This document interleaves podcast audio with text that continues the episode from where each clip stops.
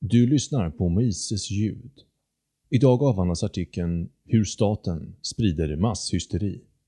Författaren Philip Bagus.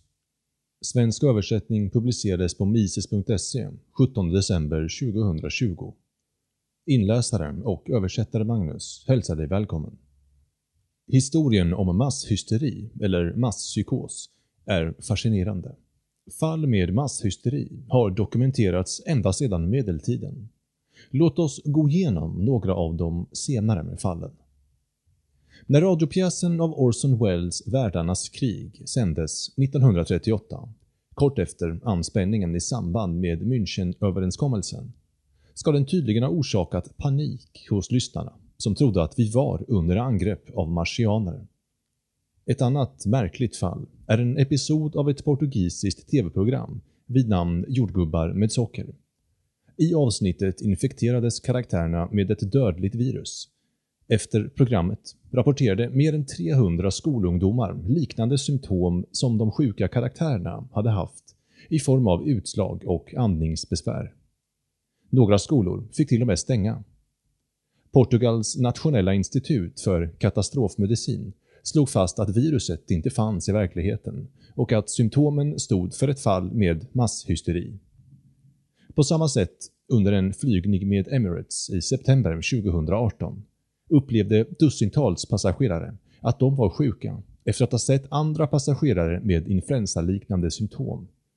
Konsekvensen av paniken blev att hela flyget sattes i karantän i slutändan visade det sig att endast ett fåtal passagerare faktiskt hade en förkylning eller säsongsinfluensan. Det är välkänt att det existerar noceboeffekter, motsatsen till placeboeffekter. Med en placeboeffekt tillfrisknar en person från sjukdom om han förväntar sig att göra det. Med en noceboeffekt, å andra sidan, blir vi sjuka just för att det är vad vi förväntar oss. I en självförverkligande profetia orsakar förväntningarna själva symptomen. Oro och rädsla förvärrar effekten. Masshysteri kan orsaka att personer upplever symptom. Utöver detta kan hysteri, kollektivt eller ej, få personer att uppträda på sätt som mer sansade människor sannolikt ser som absurda. Det är upp till empirisk forskning att avgöra om och i vilken utsträckning Världen har varit i ett tillstånd av masshysteri under covid-19-epidemin. Vi har alla sett personer som hamstrar toalettpapper, bär mask när de sitter ensamma i bilen eller hört historier om människor som inte har lämnat sina hus på månader. Vi känner också till personer som är rädda för viruset, även om risken för dem själva att dö är minimal. Medan utredningen kring coronaorsakad masshysteri sannoliken är intressant skulle jag här vilja ställa en mer fundamental fråga, nämligen i hur stor grad statens existerande förvärrar effekten av masshysteri. Självklart kan instanser av masshysteri även existera i ett fritt samhälle på grund av tendensen för negativ bias i den mänskliga hjärnan. Vi fokuserar på negativa nyheter och lider under stress när vi upplever att vi inte har kontroll över tillvaron detta kan även hända i ett fritt samhälle, när negativa nyheter får överhanden.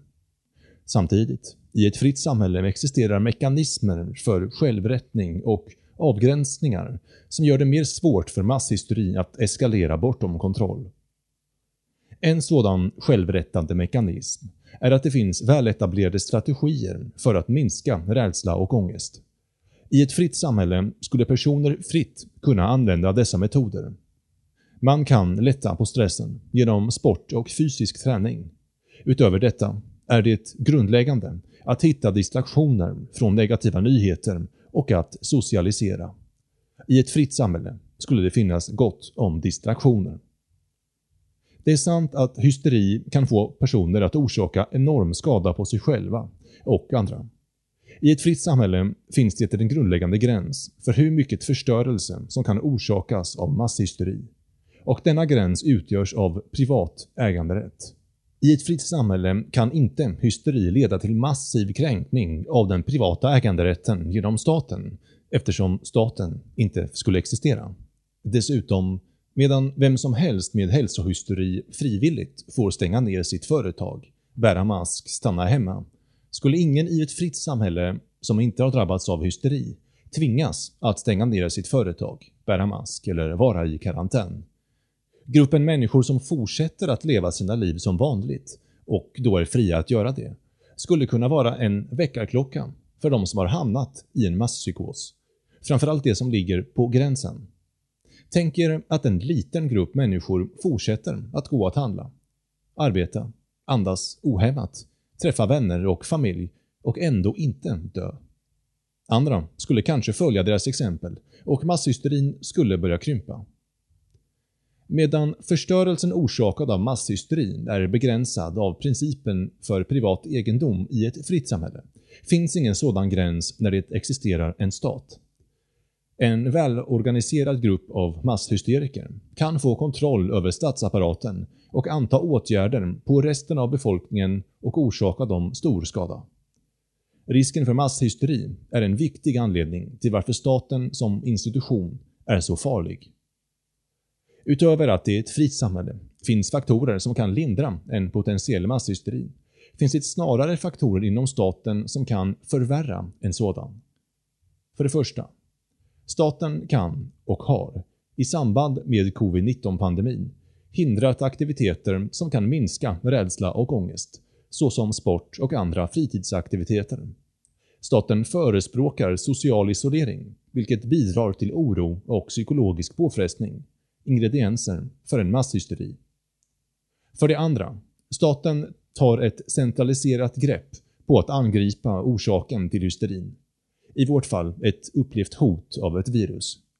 Staten påtvingar alla dess lösning och som resultat finns inga, eller väldigt få, alternativa metoder för att lösa problemet.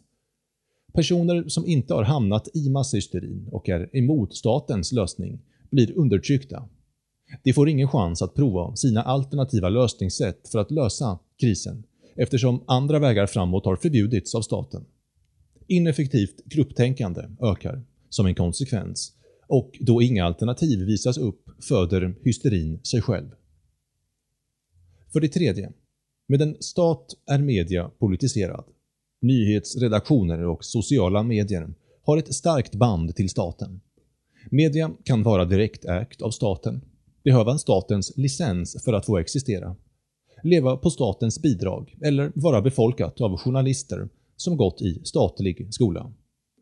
Dessa nyhetsredaktioner och sociala medier lanserar massiva kampanjer kring negativa nyheter för att medvetet skrämma upp befolkningen samtidigt som de tystar ner alternativ information.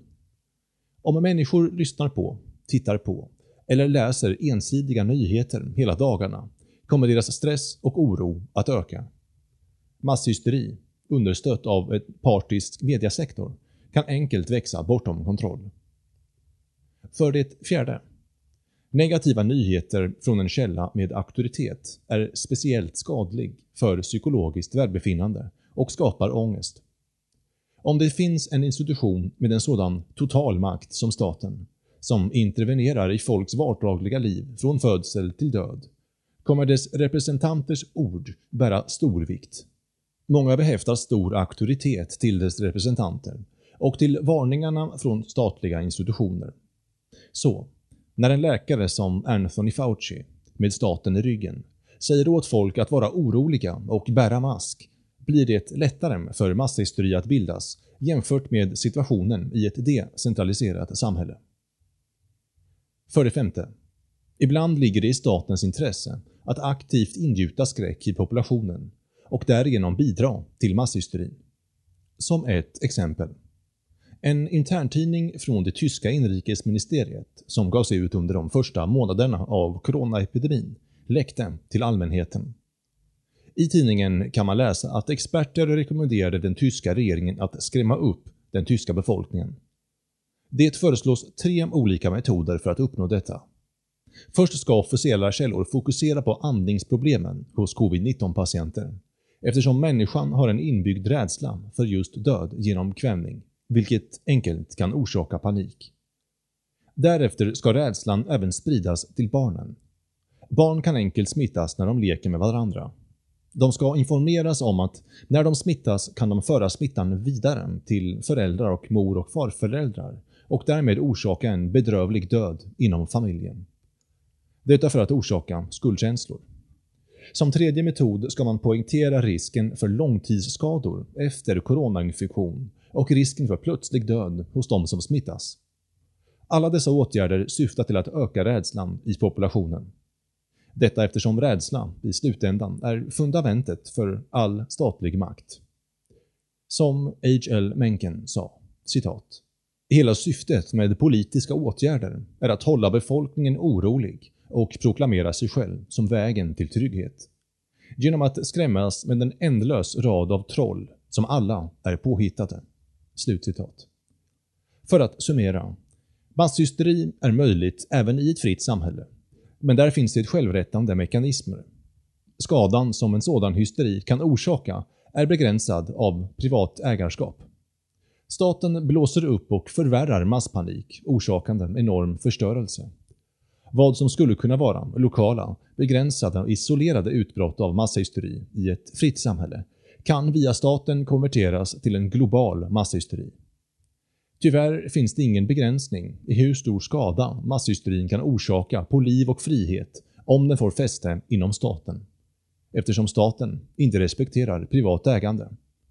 Den skrupelfria kränkningen av grundläggande friheter under coronaepidemin är ett glasklart exempel. Risken för masshysteri är ännu en orsak till varför staten är en så farlig institution.